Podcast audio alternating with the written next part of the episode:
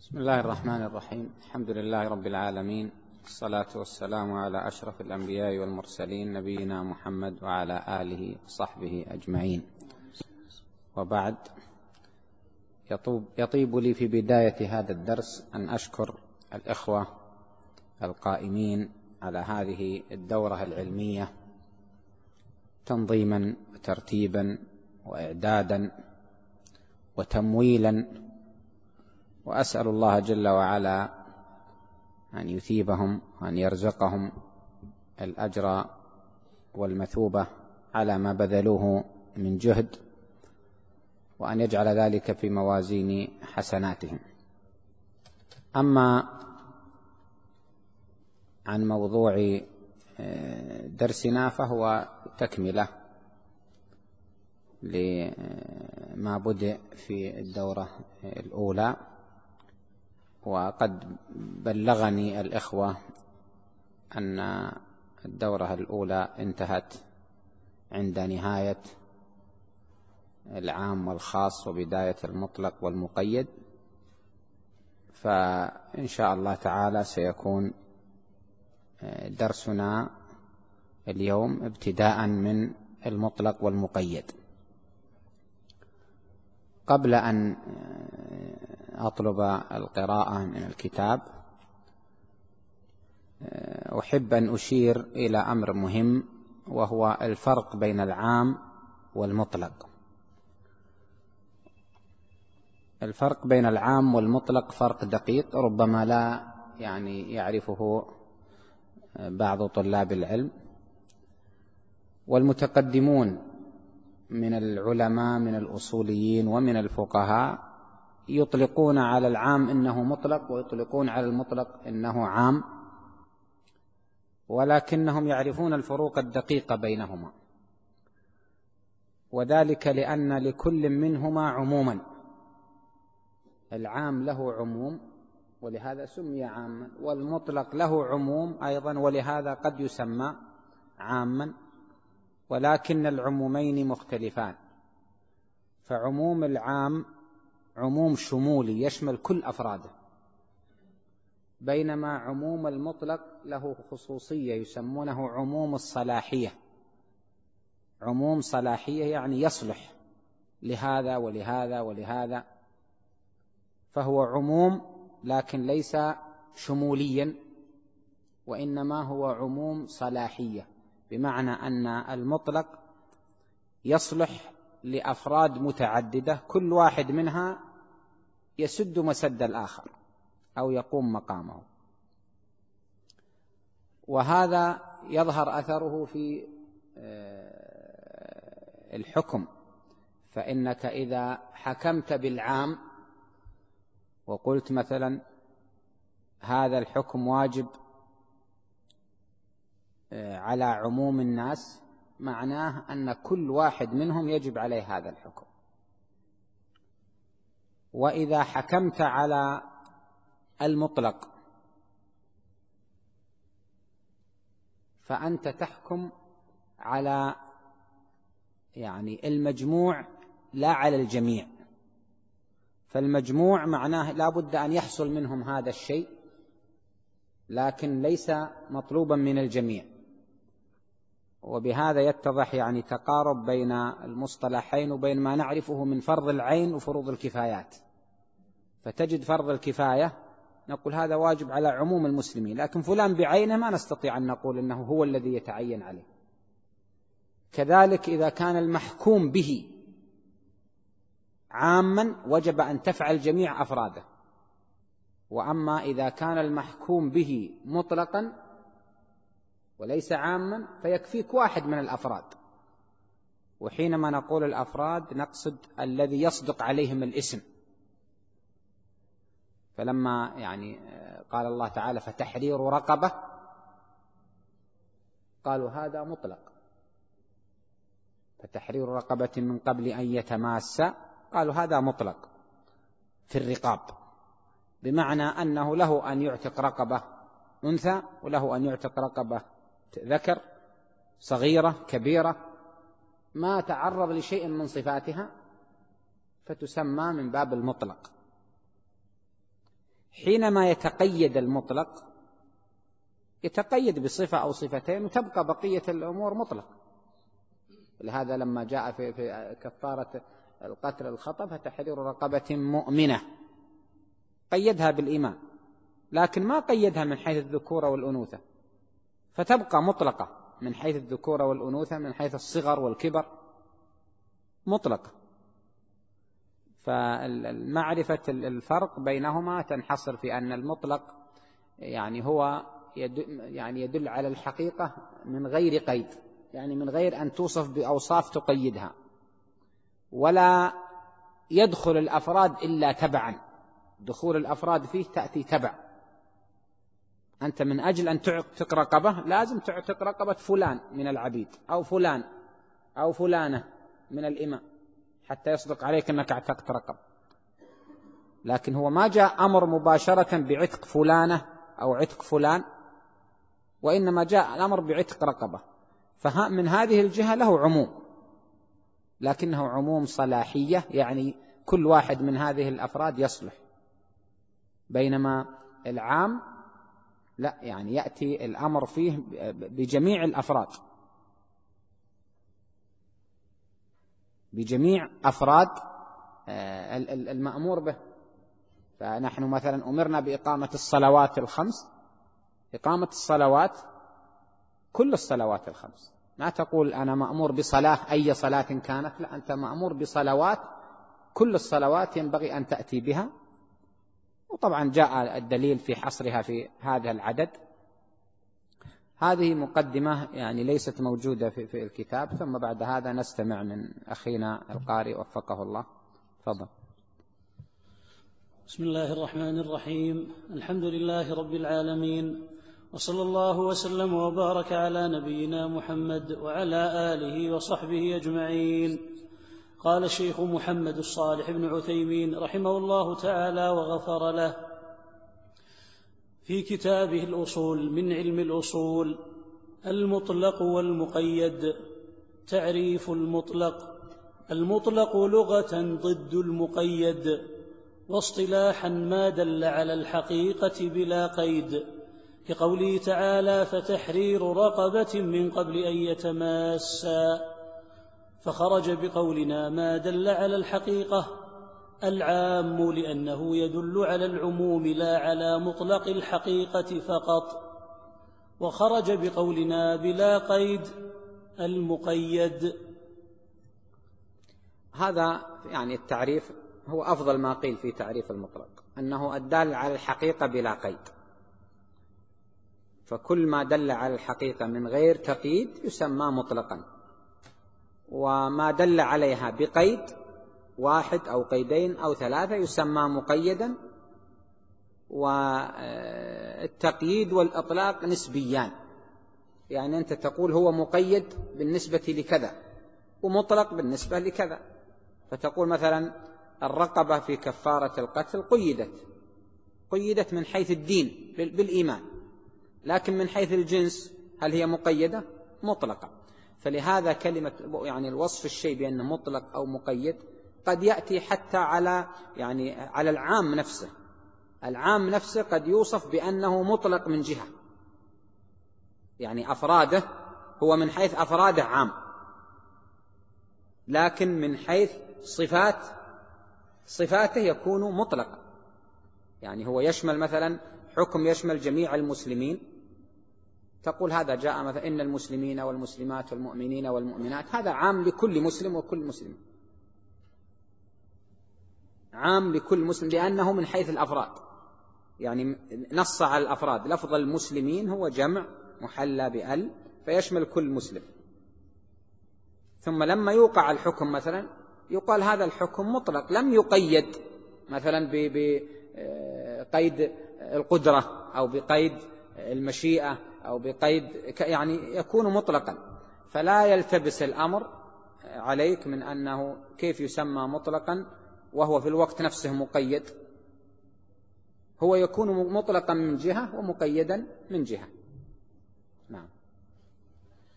تعريف المقيد المقيد لغة ما جعل فيه قيد من بعير ونحوه واصطلاحا ما دل على الحقيقة بقيد.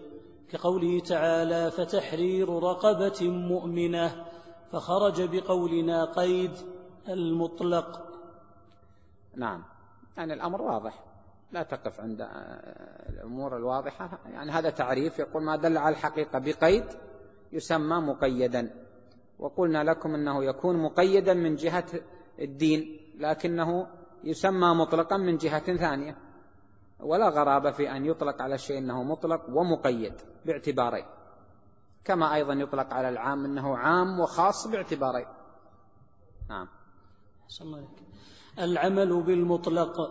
يجب العمل بالمطلق على إطلاقه إلا بدليل يدل على تقييده. لأن العمل بنصوص الكتاب والسنة واجب على ما تقتضيه دلالتها.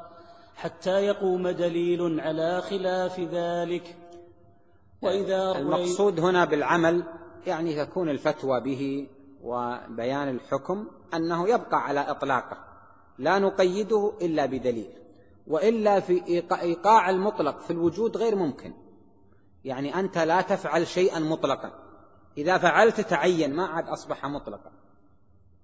كان مطلقا ثم إذا فعلت تحدد وتعين. أما المطلق فهو يعني من دال على الحقيقة الحقيقة الذهنية تكون في الذهن لكن في الوجود لا بد أن يتعين. فأنت مأمور بعتق رقبة أنت في ذهنك تعرف مقصود الرقبة. لكن إذا اعتقت رقبة تعينت أنها رقبة أنثى مؤمنة صفتها كذا وكذا ما عاد أصبحت مطلقة. فليس المقصود أنه يعمل به على إطلاقه يعمل به وهو باق على إطلاق وهو مطلق. لا هو إذا عمل به تعين. لكن المقصود أن الفتوى والحكم يكون بالإطلاق. يعني ليس لك أن تحدد شيئا بعينه وتقول تعتق فلان ابن فلان مثلا من من الرقاب. لكن هو إذا أراد أن يعتق هل يستطيع يعتق رقبة مطلقة غير محددة؟ لا هو سيعتق رقبة معينة ومحددة بجميع صفاتها. لكنها تسد مسد المأمور به المطلق. وإذا ورد نص مطلق ونص مقيد وجب تقييد المطلق به إن كان الحكم واحدا وإلا عومل بكل واحد على ما ورد عليه من إطلاق أو تقييد. هذه مسألة هي يعني أهم المسائل في مسألة المطلق والمقيد. عادة العلماء يقولون أحكام المطلق والمقيد تؤخذ من العام والخاص. بمعنى أنك هناك ذكرت مثلا ما هي المقيدات ما هي المخصصات؟ هنا تقول ما هي المقيدات. كما تأتي المخصصات هناك تأتي المقيدات سواء بسواء. ولكنهم يعني يخصون المطلق والمقيد بهذه المسألة بما إذا وجد اللفظ مطلقا في موضع ومقيدا في موضع آخر. يعني جاء الاسم في موضع مطلقا وفي موضع آخر مقيدا. هل نحمل المطلق على المقيد بمعنى أننا نقول المراد بالمطلق في هذا الموضع هو نفسه المراد بالمقيد تماما أو نقول لا المطلق هناك يبقى على إطلاقه وهنا يتقيد. الشيخ اختصر الكلام اختصارا جميلا وقال العبرة بالحكم. إذا اتحد الحكم إذا كان الحكم واحدا بغض النظر حتى عن السبب سبب الحكم. إذا اتحد الحكم فإنه يحمل المطلق على المقيد. سواء كان السبب واحدا أو كان السبب مختلفا ستأتي الأمثلة. أما إذا اختلف الحكم اختلف الحكم يعني الاسم واحد. جاء هنا مطلقا وجاء هنا وقيد بصفة أو بصفتين لكن الحكم اختلف. الحكم مثلا في مرة هو الغسل وفي الموضع الثاني القطع. كما في اليد مثلا. فإنه لا يحمل المطلق على المقيد. لا يحمل المطلق على المقيد وإنما يبقى كل منهم في محله. المطلق يبقى مطلقا والمقيد يبقى مقيدا في موضعه. آه، سواء يعني آه، اتحد السبب أو لم يتحد. قد يكون السبب واحدا لكن الحكم مختلف. فيبقى على رأي الشيخ أنه لا يحمل المطلق على المقيد وهو رأي الجمهور. وإنما يحمل المطلق على المقيد في حالتين في حالة اتحاد الحكم والسبب وفي حالة اتحاد الحكم واختلاف السبب. هذا رأي الشيخ. وهناك يعني موضع ثالث قال بعض الشافعية أنه يحمل فيه المطلق على المقيد إذا اتحد آه، السبب واختلف الحكم.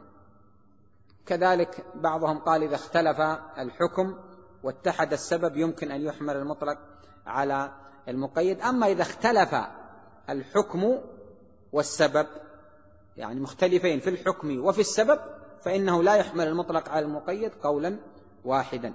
والأمثلة سيذكر بعضها ونضيف ما لم يذكره إن شاء الله.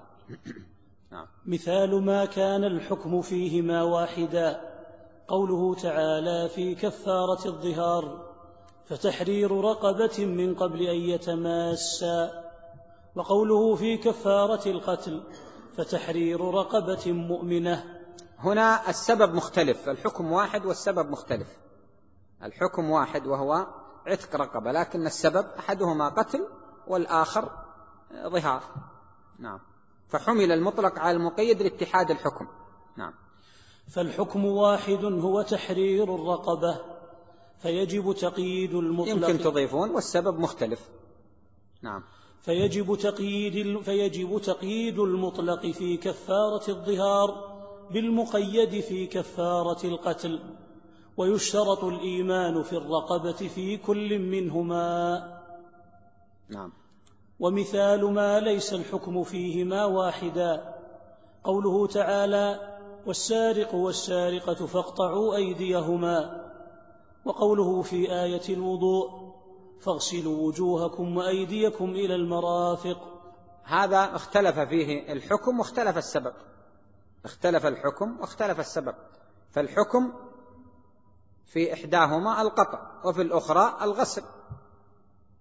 والسبب الحدث في أحدهما والسرقة في الآخر. فهذا يعني لم يقل أحد بحمل المطلق على المقيد آه، في مثل هذه الصورة حينما يختلف الحكم ويختلف السبب.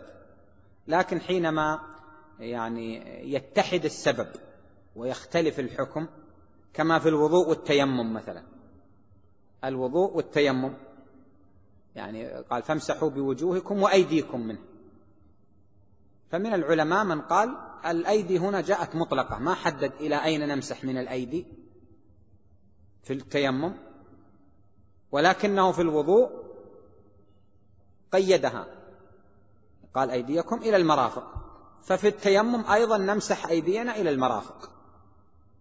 هذا قال به بعض العلماء وقالوا يحمل المطلق على المقيد لاتحاد السبب وإن لم يكن الحكم واحدا. الحكم أحدهما غسل والآخر تيمم. لكن السبب واحد وهو الحدث أو إرادة رفع الحدث. فحينئذ بعض العلماء قال يحمل المطلق على المقيد والصواب عدم حمله في هذه الصورة وإنما يحمل فيما في الصورتين الأوليين إذا اتحد الحكم والسبب أو اتحد الحكم وإن اختلف السبب. نعم.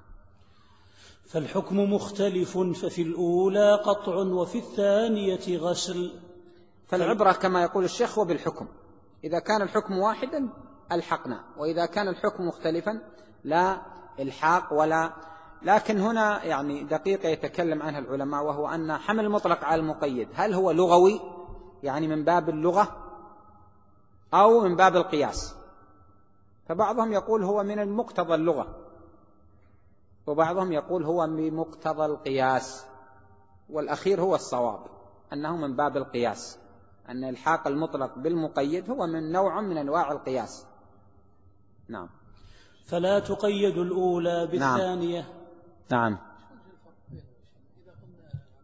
هو إذا كان لغويا فمعناها يعني حتى المنكر للقياس ينبغي أن يقول به يعني ليس كل أحد آه، موافق على القول بالقياس وإن قلنا إنه بالقياس فيحتاج أن نبين أين الأصل وأين الفرع وما هي العلة أو ما هو الوصف الجامع بينهما.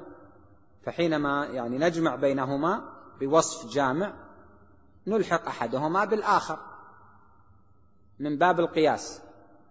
يعني الآن مثلا في الصورة التي مثل بها الشيخ وهي تحرير رقبة من قبل أن يتماس آه، وهناك قال فتحرير رقبة مؤمنة. يقال كل منهما كفارة. كل منهما كفارة. فيتقاس إحداهما على الأخرى. ورد النص في إحداهما بأنه لا بد من كون الرقبة مؤمنة فتكون الأخرى مثلها. والوصف الجامع بينهما أن كل منهما كفارة لذنب ارتكبه. أو يعني خطأ ارتكبه الإنسان. فإذا كانت كف كل منهما كفارة فإنهما تقاس إحدى الكفارتين على الأخرى.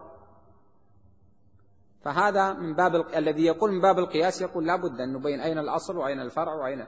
والذي يقول من باب اللغة يقول هذا يعني مثل قول الشاعر نحن بما عندنا وأنت بما عندك راض والرأي مختلف. فيعرف الخبر. نحن بما عندنا ماذا؟ راضون مع أنه لم يذكر الخبر. نعم. فلا تقيد الأولى بالثانية بل تبقى على إطلاقها ويكون القطع من الكوع مفصل الكف والغسل إلى المرافق. المجمل والمبين. تعريف المجمل المجمل لغة المبهم والمجموع واصطلاحا ما يتوقف فهم المراد منه على غيره ما يتوقف فهم المراد منه على غيره إما في تعيينه أو بيان صفته أو مقداره. نعم يعني عرف المجمل بتعريفين لأنه يعني كلمة أجمل ويجمل وهو مجمل آه، تحتمل معنى الجمع وتحتمل معنى الإبهام يعني لها معنيان. فتطلق المجمل يطلق على المبهم يعني الذي لم يتعين ويطلق على المجموع وهما معنيان. فذكر المعنيين اللغويين للمجمل. ومن المعنى الثاني يعني قولهم أجملت الحساب يعني جمعته وقال عن اليهود حرم الله عليهم الشحوم فجملوها. جملوها يعني جمعوها. فهذا آه، المعنى اللغوي. وأما المعنى الاصطلاحي فهو أنه يدل على آه، شيء غير معين لا يتعين إلا بالرجوع إلى غيره. المجمل له دلالة على معنى لكن هذا المعنى غير معين. يحتاج إلى غيره في بيان المراد منه. يحتاج إلى غيره في بيان المراد منه. إما في تعيين المعنى المراد إذا كان يحتمل معنيين. إذا كان يحتمل معنيين مثل لفظ القرء يحتمل معنى الطهر ويحتمل معنى آه، الحيض. فلما يعني ورد في عدة آه، النساء اختلف العلماء فيه. فمنهم من قال يتربصن بأنفسهن ثلاثة قروء يعني ينتظرن ثلاث حيض. فجعل العدد بالحيض. ومنهم من قال المراد بالقروء الأطهار فيحتاج يحتجن إلى ثلاثة أطهار. ثلاثة أطهار. بمعنى أنه إذا طلقها وهي في منتصف الطهر أو في الطهر ما يعتد بهذا.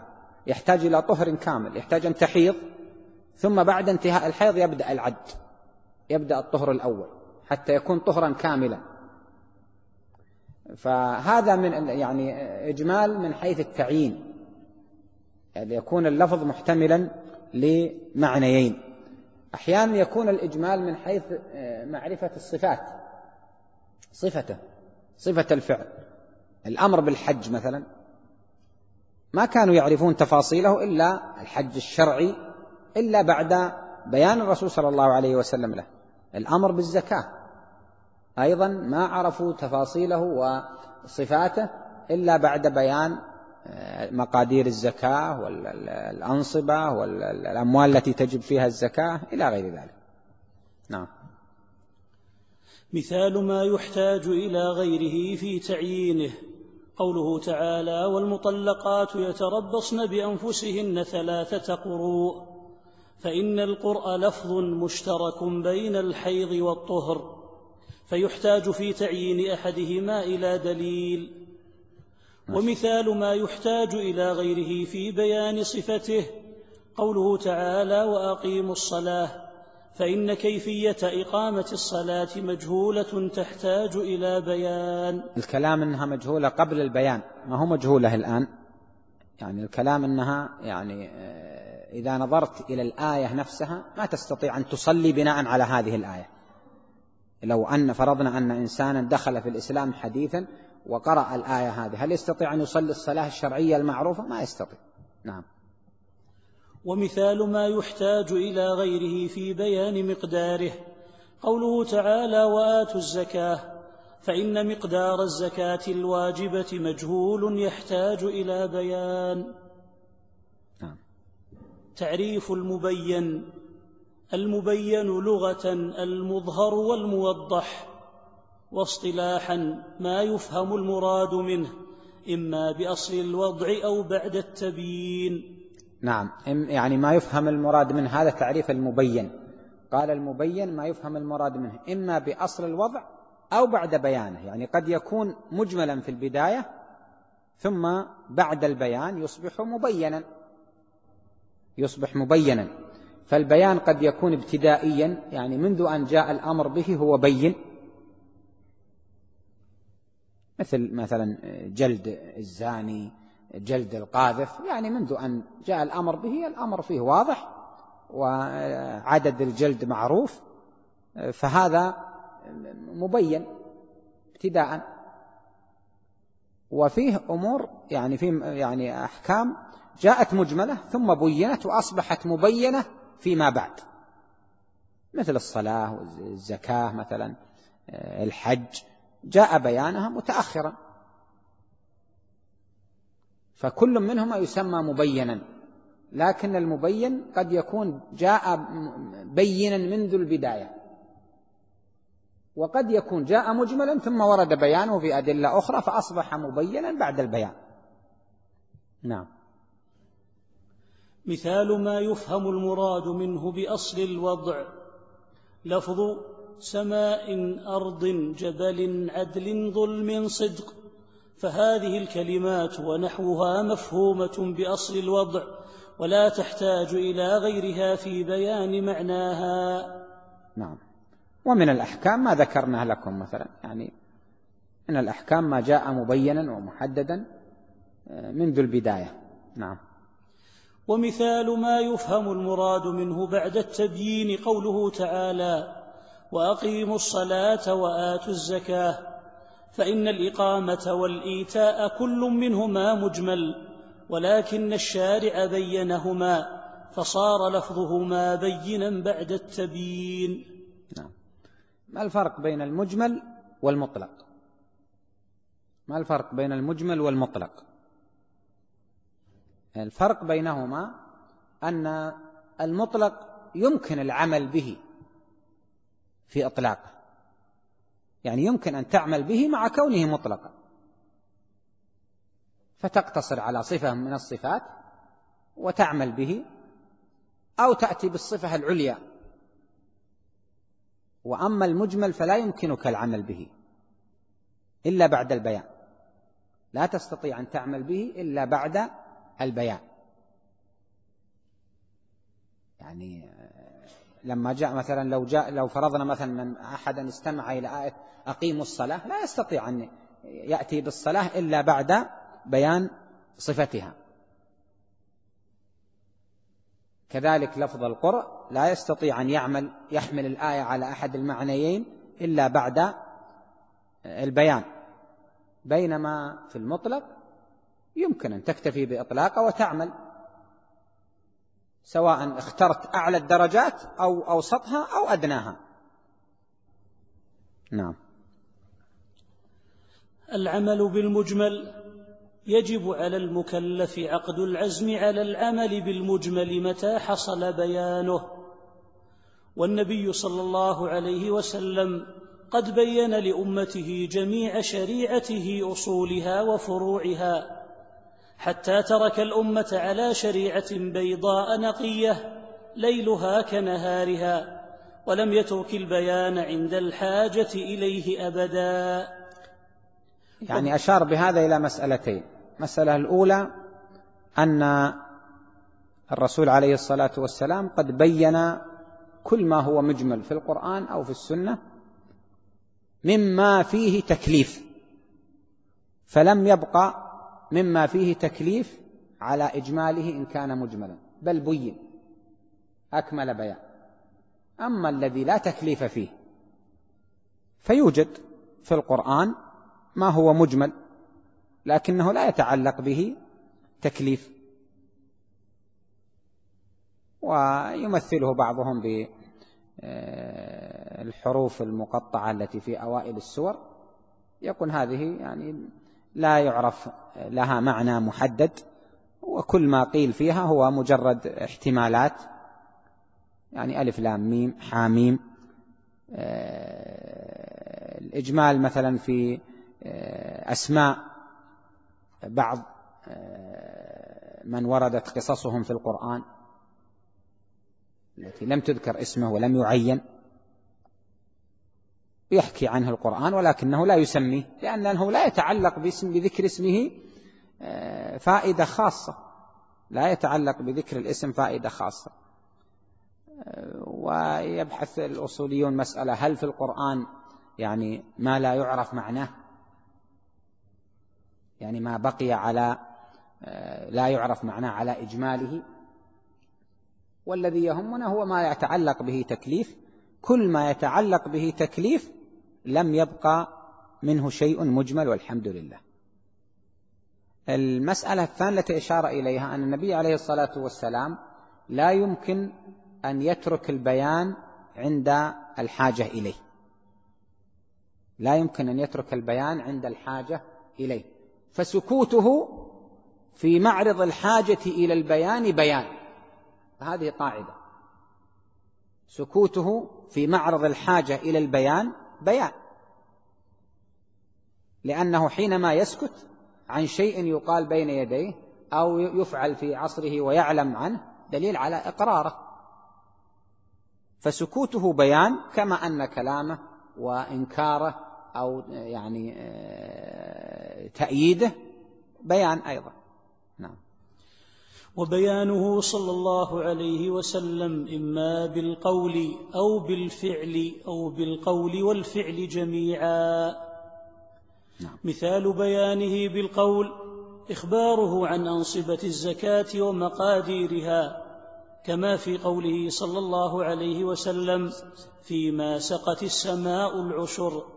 بيانا لمجمل قوله تعالى وآتوا الزكاة. نعم. هذا كله واضح إن شاء الله. يعني أن البيان من الرسول عليه الصلاة والسلام يقع بالقول أحيانا وبالفعل أحيانا وبالقول والفعل في أغلب الأحيان أنه يجمع بين القول والفعل. آه، بل أيضا قد يبين بالسكوت. آه، ولم يذكره هنا يمكن لأن السكوت أيضا داخل في الفعل عندهم. السكوت نوع من الفعل لأن الإقرار داخل في آه، الفعل. يزيد بعضهم الإشارة والإشارة أيضا داخلة في الفعل. نعم. ومثال بيانه بالفعل. قيامه بأفعال المناسك أمام الأمة بيانا لمجمل قوله تعالى ولله على الناس حج البيت نعم. ولهذا كان يطوف على جمله ويرمي وهو على الجمل يعني من أجل أن يروه. نعم. ويقول لتأخذوا عني مناسككم نعم. وكذلك صلاته الكسوف على صفتها. هي في الواقع بيان لمجمل قوله صلى الله عليه وسلم فإذا رأيتم منها شيئا فصلوا. ومثال بيانه بالقول والفعل بيانه كيفية الصلاة فإنه كان بالقول كما في حديث المسيء في صلاته حيث قال صلى الله عليه وسلم إذا قمت إلى الصلاة فأسبغ الوضوء ثم استقبل القبلة فكبر. الحديث. يعني وصف له بالقول كيف يصلي. نعم ثم هو صلى على المنبر ليروه ويستنوا به. نعم. وكان بالفعل أيضا كما في حديث سهل بن سائد كما في حديث سهل بن سعد الساعدي رضي الله تعالى عنه أن النبي صلى الله عليه وسلم قام على المنبر فكبر وكبر الناس وراءه وهو على المنبر الحديث وفيه ثم أقبل على الناس وقال إنما فعلت هذا لتأتموا بي ولتعلموا صلاتي. الظاهر والمؤول يعني يقول بعضهم زاد الإشارة وقال من الرسول عليه الصلاة والسلام قد يبين بالإشارة وجعلها زائدة ويبين بالكتابة ويبين بالسكوت. فأما الإشارة فمثل ما أشار في صفة الشهر قال الشهر هكذا وهكذا وهكذا وكان يشير بيده وأما في الكتابة فتعرفون أنه كان يعني يكتب لملوك الروم أو أنه كتب لملوك الروم والفرس ليبين لهم الإسلام. فهذا بيان بالكتابة. وكلها تدخل في الفعل عند يعني عند التحقيق. وأما بيانه بالسكوت والإقرار فقالوا مثل سكوته عن أهل المدينة في أنهم ما كانوا يخرجون زكاة من الخضروات. ما كانوا يخرجون زكاة الخضروات. فهذا دليل على أنهم أن الخضروات ليس فيها زكاة.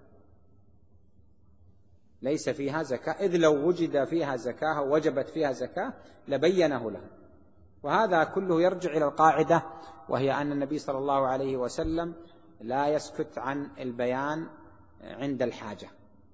ويعنونون لها بأن تأخير البيان عن وقت الحاجة لا يجوز.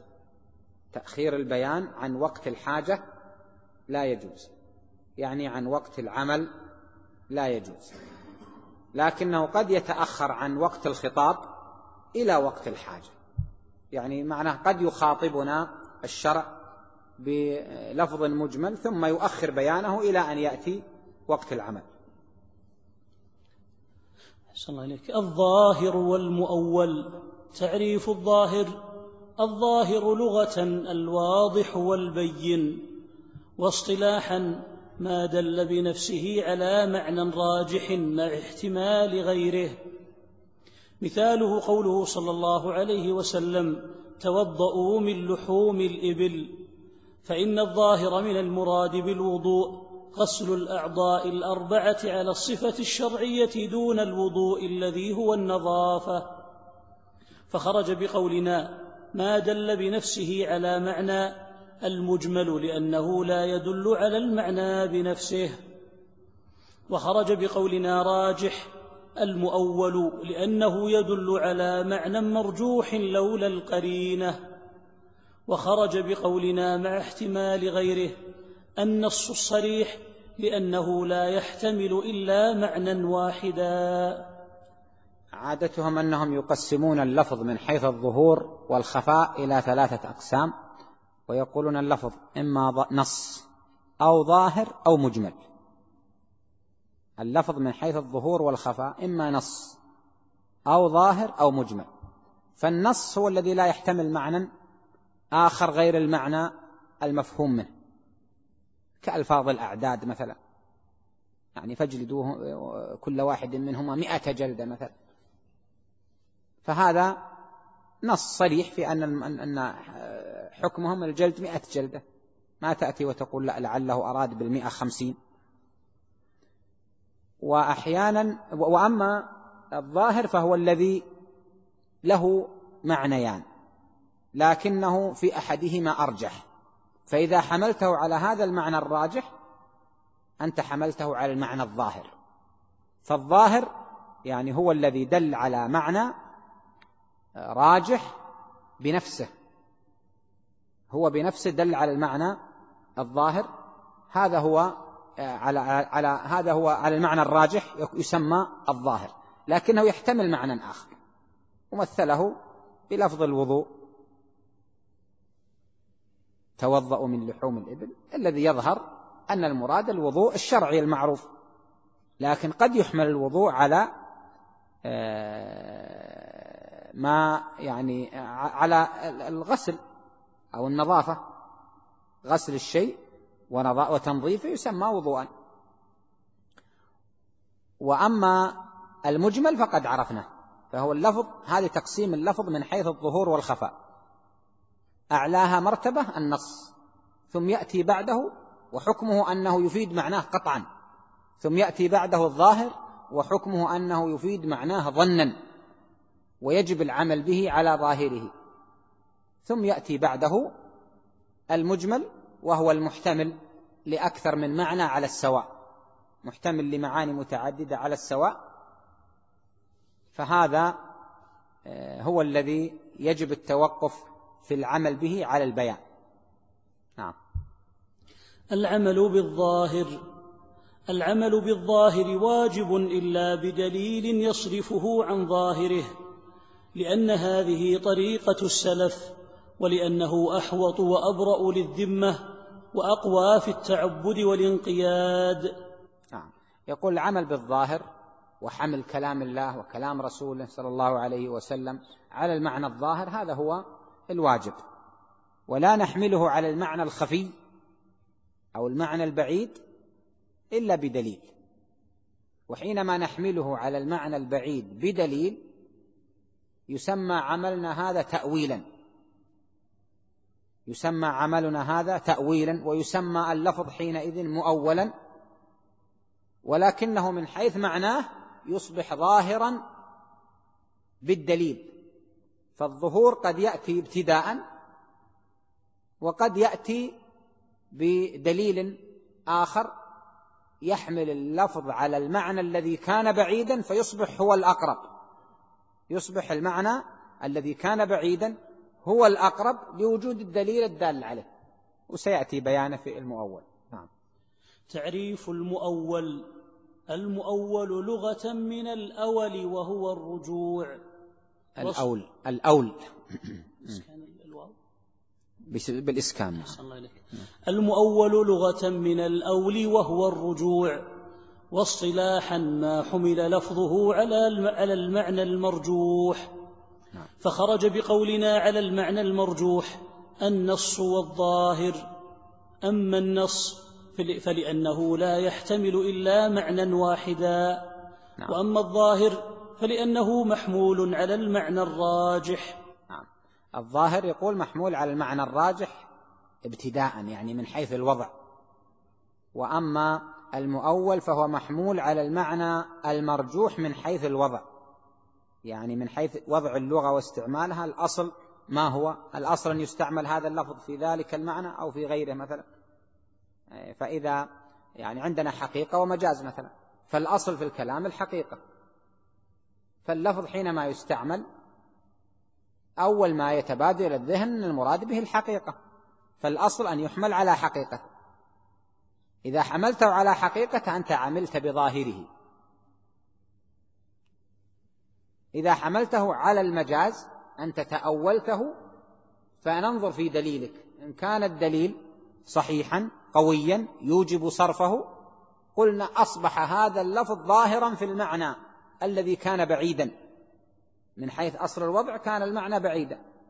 لكن بعد وجود الدليل أصبح هو المعنى الظاهر.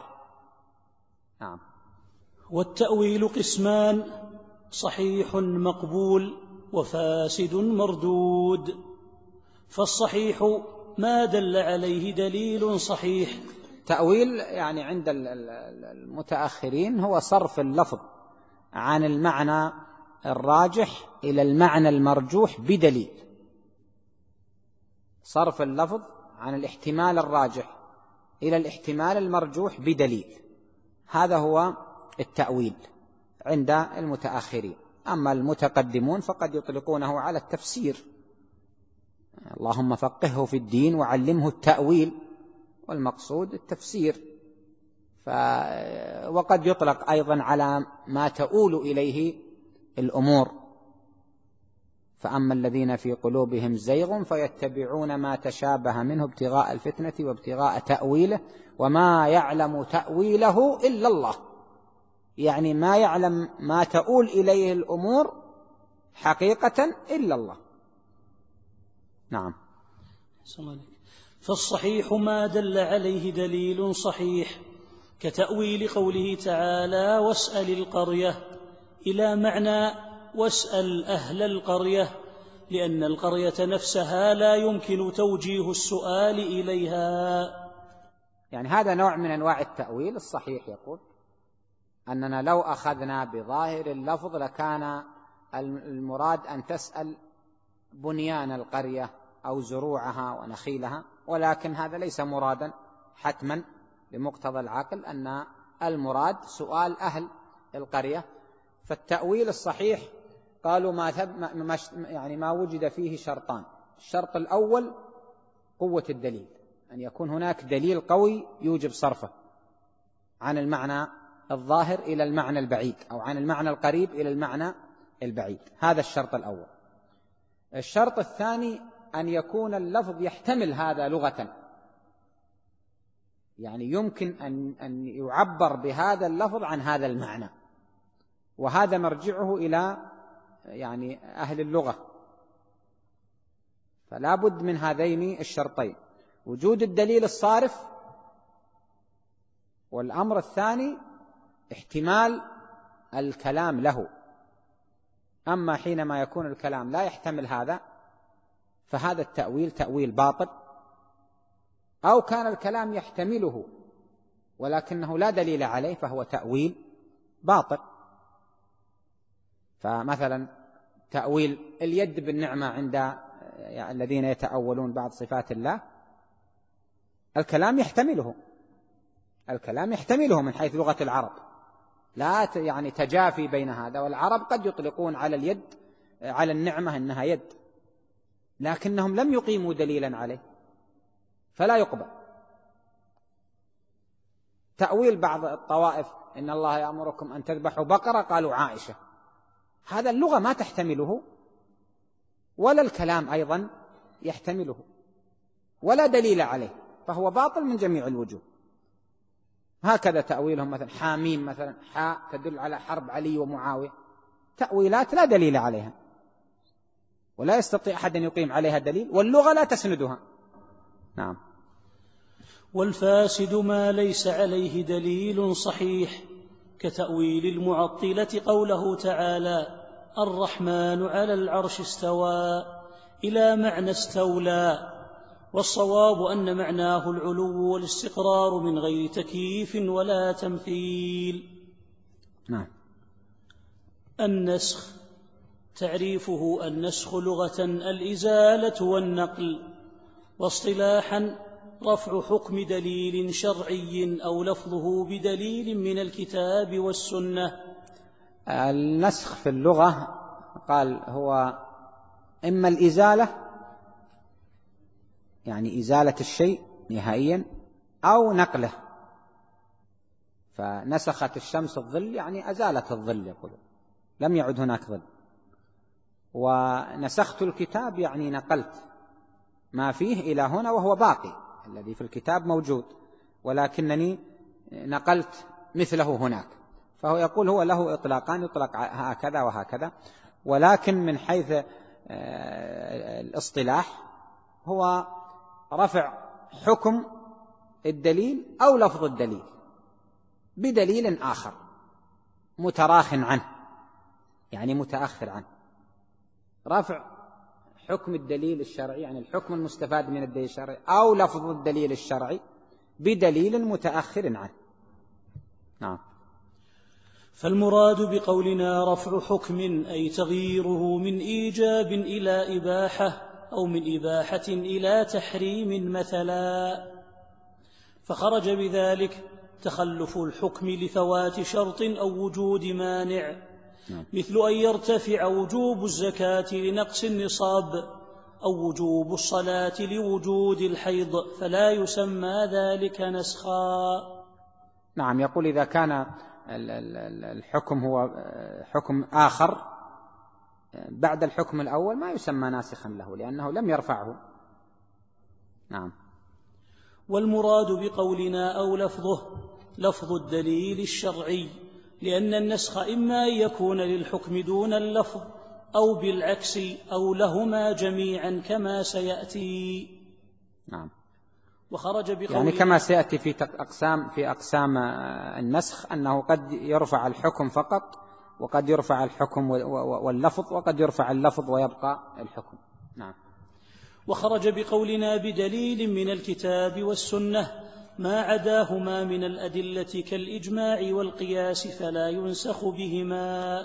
لأن النسخ هو خاص بالنصوص الشرعية بالكتاب والسنة. أما الإجماع فإنه لا ينسخ ولا ينسخ. والقياس يعني لا يكون ناسخا ولا ينسخ هو. وإن لأن القياس آه، يعني هو تبع للنص. لكنهم قالوا الإجماع قد يكون دليلا على النسخ. قد نعرف النسخ بالإجماع. يعني إذا أجمع الصحابة على ترك حديث نقول هذا الحديث منسوخ حتى ولو لم نعرف الناسخ. إذا أجمعوا على ترك العمل بحديث قلنا منسوخ ولو لم نعرف الناسخ. ولا نقول إن الإجماع هو الناسخ بس لكن نقول هذا دليل على النسخ. أما الناسخ فهو نص آخر نحن لا نعرفه. وأما القياس فالقياس تبع للأصل لأن القياس هو إلحاق فرع بأصل في حكم. فالقياس تبع للأصل إذا نسخ الأصل تبعه القياس. إذا نسخ حكم المقيس عليه تبعه حكم المقيس. وإن بقي بقي. ولهم كلام في أنه هل يمكن أن ينسخ الأصل ويبقى المقيس يعني يبقى حكم المقيس عليه يبقى؟ أو لا يمكن لهم كلام في هذا. نعم. والنسخ جائز عقلا وواقع شرعا أما جوازه عقلا فلأن الله بيده الأمر وله الحكم. لأنه الرب المالك فله أن يشرع لعباده ما تقتضيه حكمته ورحمته. وهل يمنع العقل أن يأمر المالك مملوكه بما أراد؟ ثم إن مقتضى حكمة الله ورحمته بعباده أن يشرع لهم ما يعلم تعالى أن فيه قيام مصالح دينهم ودنياهم والمصالح تختلف بحسب الأحوال والأزمان فقد يكون الحكم في وقت أو حال أصلح للعباد ويكون غيره في وقت أو حال أخرى أصلح والله عليم حكيم. نعم لعل نقف عند هذا. هذا كله في بيان يعني أن النسخ واقع والأمر فيه يعني آه، سهل لأن المخالف آه، لا دليل معه. وإن كان هناك خلاف له قيمة فهو الخلاف في نسخ القرآن بالسنة أو نسخ السنة الآحادية بالسنة المتواترة بالآحادية. أما يعني وقوع النسخ وعدم وقوعه فالكلام فيه قليل الفائدة. لأن يعني بعض المتقدمين يسمون التخصيص نسخا فتجد ثلث القرآن أو نصفه منسوخ عندهم. وبعضهم يقول لا النس التخصيص غير النسخ. فلهذا النسخ محصور. إذا يعني آه، رفع حكم الدليل السابق آه، أو أو آه، يعني كله بدليل متأخر عنه سميناه نسخا. وأما إذا كان الرفع لبعضه فنسميه تخصيصا. لعلنا نقف عند هذا. في بعض الأسئلة وردت يقول أحد الأخوان حديث وفروا اللحى كيف أطلق بعض العلماء أطلقه يمكن بعض العلماء وجعله عاما على جميع اللحية وقيده آخرون أن هذا الأمر خاص بالحلق الكامل وكأنهم يقول بينوا هذا الحكم. حديث وفروا اللحى لنعرف أنهم اختلفوا في المقصود بالتوفير هنا. فهل التوفير التكثير؟ وهذا الذي عليه يعني كثير من من فسر الحديث قال وفروها يعني تكون كثيفة وكثيرة. فيقول الذي أجاز آه، قص ما زاد مثلا عن القبضة أو قص آه، بعض اللحية على أن يبقى باقيها يعني بما يفصله عن النساء وعن غير الملتحين من المرد قالوا إن الأمر بالتوفير والتوفير حصل. التوفير يحصل بترك شعر كثيف في اللحية. حتى ولو أخذت بعضه يبقى بعضه وافرا يعني كثيرا. يقول أننا لم ننهى عن حلق شيء أو عن نتف شيء منها وإنما أمرنا بالتوفير وهذا التوفير يحصل بهذا القدر. يعني يحصل بهذا القدر. قد يستعين بعضهم بفعل بعض السلف على أنهم يعني كان يأخذ ابن عمر مثلا من لحيته ما زاد على القبضة إذا حج أو اعتمر فيقولون هذا دليل أيضا على ما فهمناه من أن المقصود بالتوفير إبقاء الشيء الكثير أو الوفير منها. أما الذين أوجبوا إعفاءها تماما فهم أخذوه من لفظ الإعفاء أعفوا اللحى والإعفاء الترك الترك يعني وعدم المساس بشيء منها. هذا هو الذي يعني يظهر في توجيه قول هؤلاء وأولئك. يقول كيف نقيس كفارة الظهار على القتل في اعتاق رقبة مؤمنة؟ يعني نقول إن كل منهما كفارة كل من الظهار والقتل آه، كفارة وجبت أو كفارة القتل وكفارة الظهار يجمعهما اسم الكفارة. وإن كان سببهما مختلفا. فلهذا يعني اجتماعهما في اسم واحد يوجب أن تكون أن يكون العتق آه، على صفة واحدة. فلما جاء تحديد أو تقييد الرقبة في كفارة القتل بأن تكون مؤمنة قسنا عليها كفارة الظهار.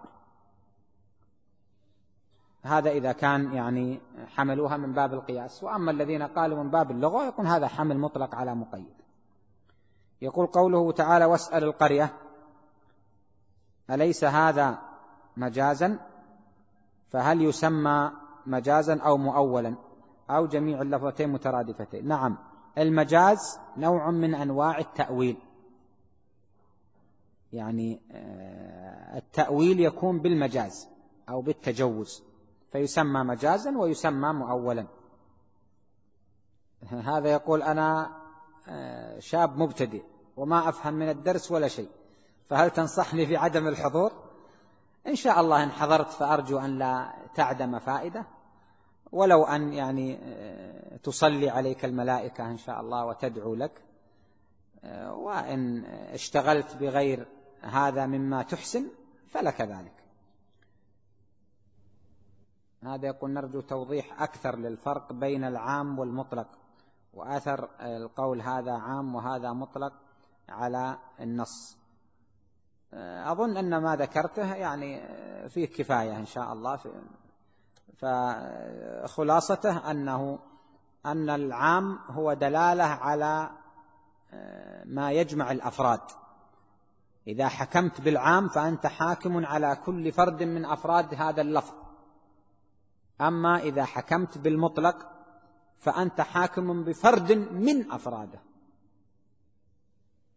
ولعلك يعني عربي تعرف الفرق بين واحد منكم يفعل كذا وكل واحد منكم يفعل كذا.